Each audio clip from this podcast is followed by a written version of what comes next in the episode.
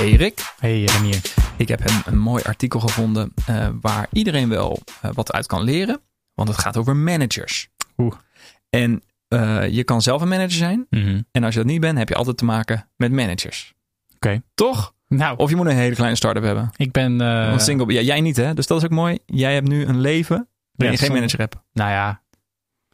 Ja? Ja, iedereen heeft wel mensen die dingen over je zeggen. Maar ik ga daar Dat is niet... eh, anders dan een manager. Vertel jij eens even wat jij hebt eh, ontdekt. En ik heb dit stuk uitgekozen, want het is een, een listicle met een hoog clickbait-gehalte. En dat is gewoon, vind ik gewoon leuk om even met je te overleggen. Om ook even wat de lichte noten aan te raken in deze Mhm. podcast. Het heet The Nine Mistakes You Don't Know You're Making as a New Manager. Dus het is heel erg gericht op mensen die net een manager zijn geworden. Ehm, dus dat is interessant. Hm. En het is geschreven door Claire Liu. Dus zij beschrijft mistake nummer one. You think building trust is about team building. Nou, nu heb ik al gelijk zoiets van: oké, als je dat denkt als manager, dan heb je het inderdaad echt aan het verkeerde eind. Dus dit is echt zo'n fout die, waarvan ik niet echt weet of mensen die wel maken. Zo van: oh, we hebben een trust issue in, in ons team. Eh, er zijn wat mensen die elkaar niet vertrouwen. Mensen kunnen überhaupt niet op elkaar vertrouwen. Wat gaan we doen? We gaan gewoon lekker paintballen met z'n allen. Hmm. Dat is natuurlijk niet echt de oplossing om aan je trust issues te werken. Hmm. Uh, en zij zegt dat dat een fout is. Hm. Heb jij er wel eens mee te maken gehad met trust issues in je team? Nou, wat ik er interessant aan vond, en het eerste punt is eigenlijk dat het eh, wel vanuit gaat, of veronderstelt dat eh, elke manager eh, gelijk denkt: eh, Oh, mijn eerste taak is om eh, trust, eh, aan trustbuilding te doen. Terwijl ehm, eh, mijn visie daarop is toch een beetje anders. Er is eh, als taak, de taak van de manager is eh, delivering results. En eh, ja, Ja, maar dat gaat natuurlijk anders. wel beter in een team die elkaar kan vertrouwen Natuurlijk. en eh, die elkaar zijn maar dan is het een middel en geen Ja. doel. En, en Ja. hier wordt het heel erg omschreven als, eh, als doel. Ja, zo. Ja, nou, ja, oké. Dus eh, er is natuurlijk ook tegenwoordig een heel groot verschil tussen people managers Hm. en product managers. Mhm. Ehm, en ik denk dat het, het bouwen van vertrouwen in een team is wel echt een doel van een people manager. Hm. Die people manager wil dat alle mensen onder zich ehm, eh, in een vertrouwde omgeving werken. Ja. En Ja. ik denk dat wij meer inderdaad vanuit het perspectief van een product manager kijken. En eh, d- dus, dus dat is één kant. En de andere kant is, kijk, eh, ik, ik ben eh, absoluut niet iemand die zegt dat, die, dat dat vertrouwen helemaal niet belangrijk is. Hè? Ik bedoel, begrijp me niet verkeerd. Ehm, eh, want wat ik dus, als je het dan hebt over hoe ik dat zelf heb ervaren, is dat ehm, ik dat inderdaad wel spannend vind. Dat je als leider bezig bent met een team. En dat je eh, dat het eigenlijk heel goed werkt, dus om, om niet alleen eh, te laten zien eh, waar je goed in bent of wat er goed gaat, maar dat je ook laat zien waar je jezelf vastloopt. Of waar je, dat je, en, en ook dus duidelijk, want dat is ook het punt van het eerste stukje, ja, dat je deelt van ehm, wat jouw intenties zijn. En, ehm, en dat je vervolgens ook laat zien dat je, die, dat, je dat dan ook regelt. Dus dat je dat ook waarmaakt. En dat dat een Ja. manier is om vertrouwen op te bouwen. Ja, en het werkt natuurlijk ook heel goed, zoiets, als je met een team al langer samen bent. Als er steeds wisselingen zijn in een team, dan is het toch vrij moeilijk om een soort van constante vertrouwelijkheid in een team te houden. al- Als, je, als niet iedereen lekker meewerkt of zo. Dus als, als het dan niet goed zit in een team en er zijn ook nog eens veranderingen in het team, dan krijg je dat niet echt goed op orde. Maar is het ook zo als er dan bijvoorbeeld één iemand in een, uit het team komt? Merk je dat dan ook? Eh, de theorieën in de, in, de, in de Agile en de Scrum wereld zeggen dat inderdaad wel. Hè? Dus als er één iemand wordt vervangen in je team, Dat je weer vanaf nul beginnen. dat het eigenlijk een nieuw team is. Hm. Eh, dat is niet altijd zo, is mijn ervaring. Soms wel. Eh, soms drukt iemand gewoon een, een flinke stempel op dat team en dat is dan de nieuweling. Eh, maar als het een, een, een redelijk open, meegaand en onderzoekend en bevragend persoon is, dan is er niet heel veel, hoeft er niet per se heel veel impact te zijn in de, in de dynamiek van het team. Ja. En, en ehm, nog even terug naar de mistake die ze noemt. Eh, dus het gaat over van, eh, eh, nou, building trust is about teambuilding. Eh en dan vervolgens gaat het dan over company retreats, informal lunches. Ja. en gewoon leuke dingetjes doen met je team. Een lekker middagje op een bootje varen en zo. Ik merk wel, ik weet niet hoe, hoe jij dat ervaart, maar dat zijn niet de dingen waar ik zelf heel lekker op ga. Dus, Nee, ik ook niet. Nee, oh jij ook niet. Nee. Nee, maar dan het is dan wel zo dat jij die dingen dan wel introduceert. Dus of nou, we moeten wel even met elkaar wat gaan eten om elkaar Nee. beter te leren kennen of zo. Nee, dat, dat, dat is niet echt iets wat, wat ik aandraag. Hm. Eh, Of zie je, dat, zie je dat mensen dit aandragen met als doel eh, vertrouwen? En dat je vervolgens eigenlijk dus nu door het lezen denkt van ja, eigenlijk is het gek, want eh, ze willen graag vertrouwen. En ze denken dan van het tijd doorbrengen met elkaar is niet the way to go. Want dat is eigenlijk wat zij zegt. Nou, dat, daar is natuurlijk ook wel wat op aan te merken. Zij zegt dingen op basis van onderzoeken die binnen, hun eigen, de, binnen de eigen kring worden uitgezet. Mhm. Dus ze zetten het uit in hun eigen netwerk en hun eigen tool. En Ja. daar baseren ze eh, bepaalde eh, zaken op. Ja. Ze kwantificeren het De minst effectieve manier om, om, om vertrouwen Ja. op te bouwen. Maar ik kan me wel voorstellen dat eh, teambuilding en tijd door, doorbrengen met elkaar ook een hele effectieve manier is om elkaar beter te leren kennen. En waardoor je En dat helpt. iets laat zien van wie je als persoon Ja. bent. door gewoon tijd met elkaar door te brengen. Ja, dat, dat helpt gegarandeerd, denk ik. Dus, dus, maar ben je het eens met de stelling? Dus zeker, ik vind zo'n open deur dat het eigenlijk niet eens een stelling is. You think building trust is about teambuilding. Ja, nee, natuurlijk is dat niet alleen maar about teambuilding. Nee, niet alleen, maar het is toch wel een heel. Als, ik- goed, als ik daar zo over nadenk, denk ik, nou, volgens mij is het wel degelijk een, een, belangrijk aspect ervan. Teambuilding is een belangrijke. eh en Ik weet niet hoe je dat dan doet. Ja, ja dus het actief het teambeelden eh, hoeft niet per se onderdeel te zijn van het meer vertrouwen krijgen in je team. Het, het, het, het verhogen van het vertrouwen binnen een team. Hm, Oké, Dat denk ik. dus niet Ja. essentieel. Dus ik, ik ben het wel met haar eens. Dat dat, Oké. eh, maar ze brengt het wel alsof dat dan de enige focus is en dat je daarmee kan oplossen. Kun je nog samenvatten wat haar oplossing is voor die. Hè, wat, wat zou je dan volgens haar wel moeten doen? Ehm, nou, zij draagt niet zelf een oplossing aan. Ze geeft aan wat het hoogst wordt gewaardeerd in de survey die ze hebben Ja, uitgezet. ja. En dat is dat je je kwetsbaar moet opstellen als leider. Mhm. En dat je duidelijk je intenties moet delen. En dat je moet nakomen wat je hebt beloofd. Oké. Dat zijn eigenlijk de drie dingen die ze aandraagt. Die het hoogst worden gewaardeerd eh, binnen de, het onderwerp vertrouwen in een team. En als je nou, ehm, eh, dat is misschien vanuit jouw eigen perspectief, maar eh, stel je, hebt, je bent niet een manager en je ervaart dat dit niet op deze manier gebeurt, wat, wat, wat, zou, je dan, wat zou je daar dan aan kunnen doen? Ja, dan zou je natuurlijk dit artikel gewoon even kunnen rondsturen naar de manager. Ja, nee, dat is. Ehm, ik, ik denk dat het wel lastig is. Als je geen vertrouwen hebt in teamleden of in de hele dynamiek in het team, ehm, dan is dat heel lastig om eh, daar. ehm, als, het, als het al zover is, hè, dus misschien voel je het ook wel aankomen van ik begin een beetje minder vertrouwd te krijgen. Dan moet je dat gewoon eh, openlijk bespreken. Hm. Eh, ik zou het eerst met diegene proberen die je niet vertrouwt. Hm. Of waar dat vandaan komt. Hm.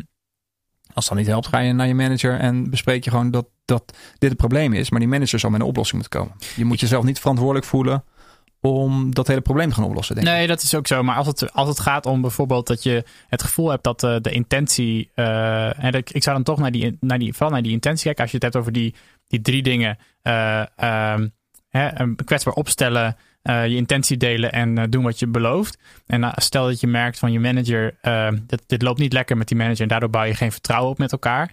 Ehm, dan heb ik wel eens het gevoel gehad als manager dat niemand dat durfde te zeggen.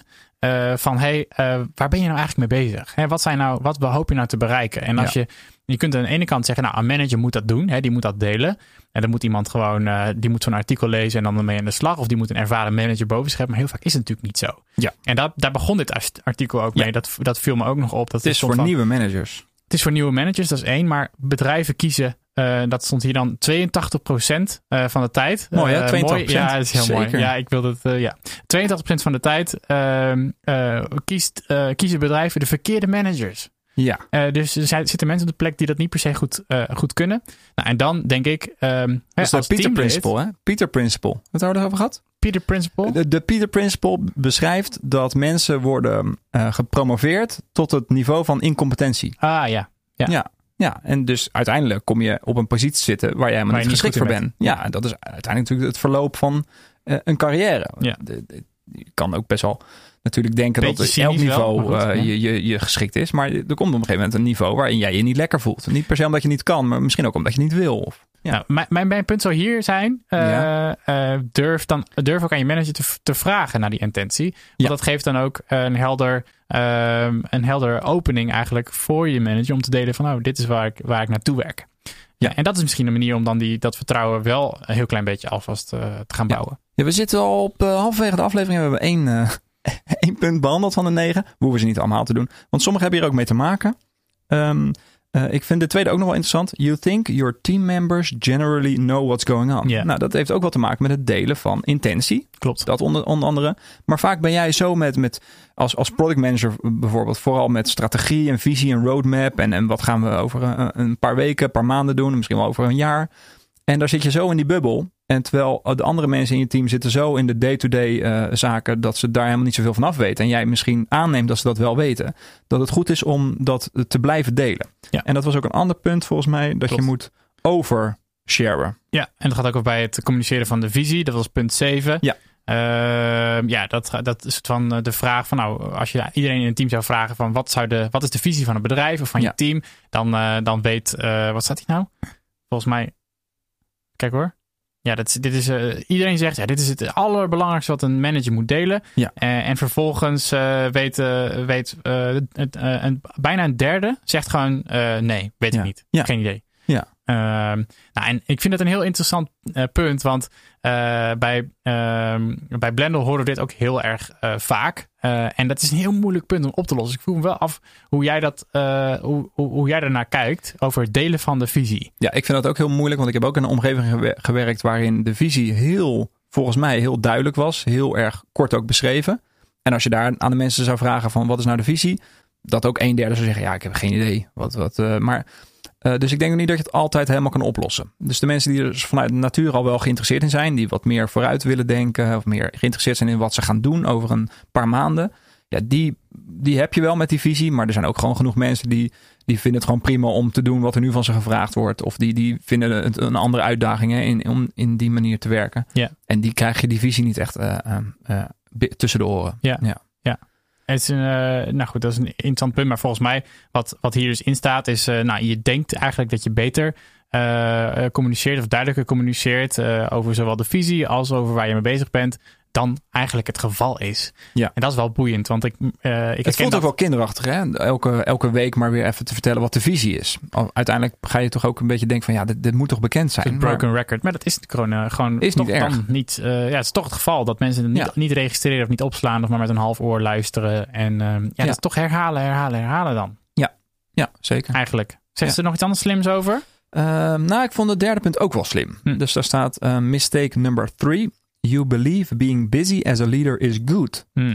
En dat merk ik ook wel van managers om me heen. Die vinden het eh, niet, niet allemaal. En ook niet per se waar ik nu zit. Maar in het verleden ook. Die vinden het heerlijk om altijd maar druk te zijn. Ik ben te druk, ben te druk. Ik ben eh, met van alles bezig. Ehm, ja, dan doe je toch iets niet goed. Als manager moet je ook eh, openstaan en beschikbaar zijn voor ad hoc zaken die spelen.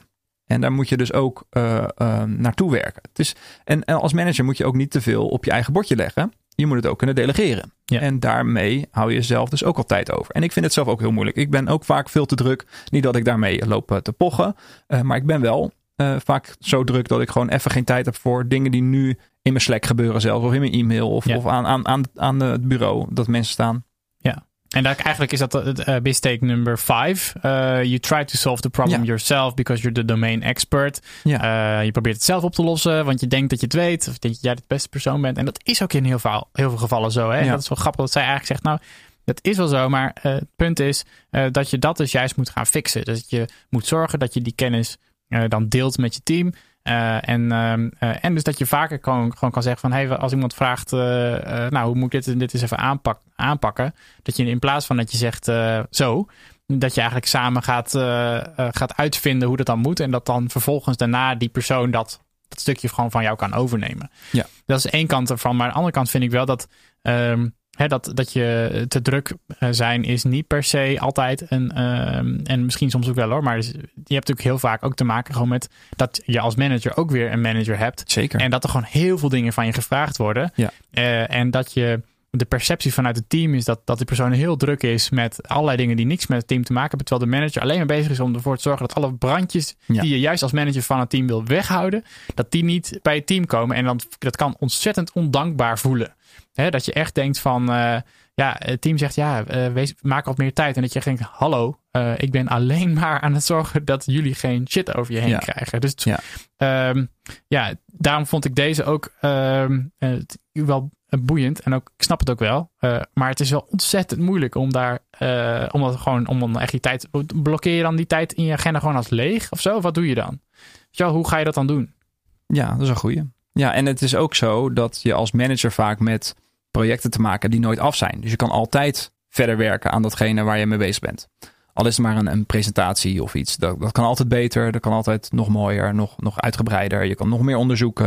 Je Ja. kan nog meer lezen over onderwerpen. Misschien dat, dat het punt in het artikel, eh, hè, dat er wordt iemand geïnterviewd die bij Slack werkt. eh, en die zegt dan, als je te druk bent eh, met, het, met het actual work, dus met het eigenlijke werk, ehm, ja, dan eh, weet je sowieso dat je niet goed zit. Dus als je werk aan het doen bent wat je team aan het zelf eigenlijk moet uitvoeren dan als manager, eh, dan, ehm, ja, dan is dat misschien wel een, eh, een, een belangrijke trigger, een vlag die even eh, bij jezelf omhoog moet gaan. Zo van, Ja. daar moet ik iets mee. Ja. Oké, was er nog een andere mistake? Eh, ja, nog wel eentje. Dat is you think transparency is the, all the time is good.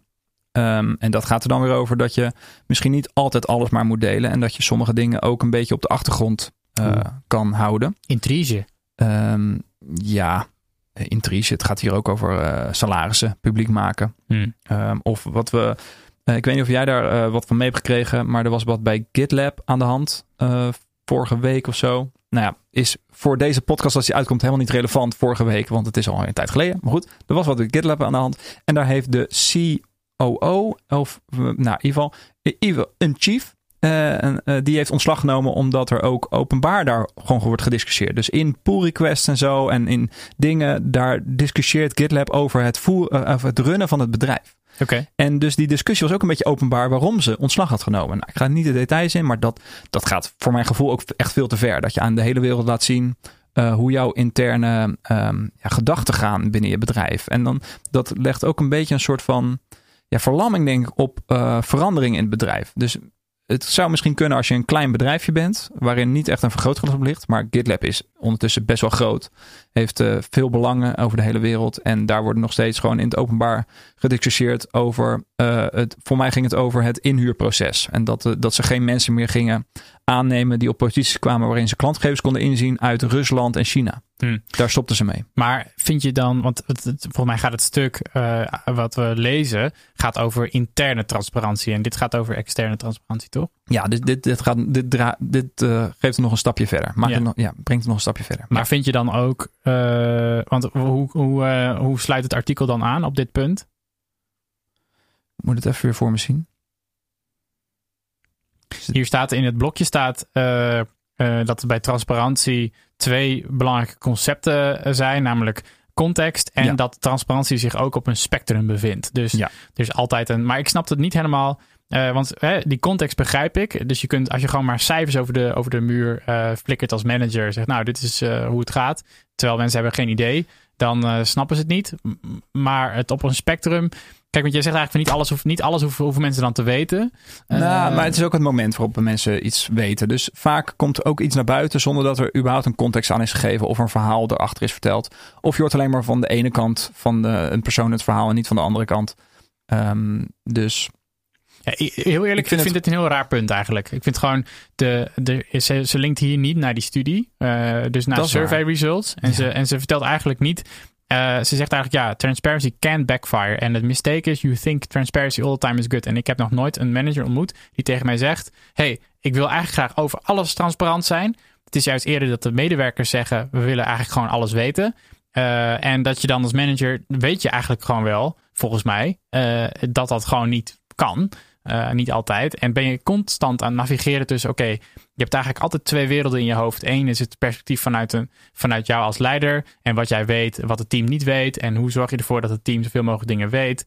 Maar ook dat ze niet eh, in paniek raken als jij zegt, nou, misschien moeten we, gaan we dit, deze feature wel opdoeken of zo. Of misschien moeten we hier wel mee kappen, terwijl er heel veel liefde en heel veel eh, tijd in de, vanuit het team in zit. ja, dus jij zegt er is eigenlijk geen tegenbeweging nodig tegen, deze, tegen dit standpunt van je, te veel transparantie is eh, goed. Want dat zit al niet echt in de, in, in ja, de jouw bekende managerswereld. Ik, ik, ik zou eerder zeggen dat de mistake zou zijn. ehm, eh, you don't know how to, how to handle transparency well. Ja. Dus het, eh, het, het, het- op een spectrum snap ik wel. Dat je, dat je, dat je weet van oké, eh, sommige dingen zijn meer of minder inzichtelijk. Oké, maar de vraag is: hoe vind je uit wat voor jou de juiste balans is? En hoe eh, communiceer je dan volgens die context goed? En dat is, ja, dat is wel echt een vak apart. Eh, en ook super ingewikkeld. Maar ik, volgens mij is er niet echt iemand die per se denkt: oh, ik ga gewoon alles lekker delen. Dan kom je heel snel achter dat het op die manier niet werkt. Oké, dus sluiten we af met het laatste punt. Mistake number nine. You're nice. Heb je daar wel eens schuldig aan gemaakt? Dat, Ja, je, nou ja. dat je aardig wilde zijn in plaats van eerlijk. Want daar hebben ze het over. Dus Ja. eh, ze zegt eh, expliciet: don't be an asshole, by all means. Maar but don't overcompensate by focusing solely on, solely on being nice. Ja. Dus je moet wel fair zijn en niet nice. Klopt. En ik denk dat, ik denk dat dit eh, helemaal als beginnend leider is dat natuurlijk super ingewikkeld. Want Ja. je bent eh, net gepromoveerd in een positie dat je denkt, nou, ik ga voor het eerst een team eh, aansturen. En misschien was je zelfs wel vroeger collega's. Dat hoor je ook vaak. Dat je dan eerst eh, samen Ja. nog collega's was. En je kent elkaar al. En je denkt, nou, eh, en ze vonden me aardig. En je wil ook graag aardig gevonden worden. Want bovendien krijg je ook nog van, vanuit, vanuit jouw manager. Ja, is nog maar de vraag of je daar wel een soort van ehm, genoeg bevestiging en, en feedback krijgt. Eh, we hebben het nog niet eens over feedback gehad, wordt ook aangehaald in het stuk.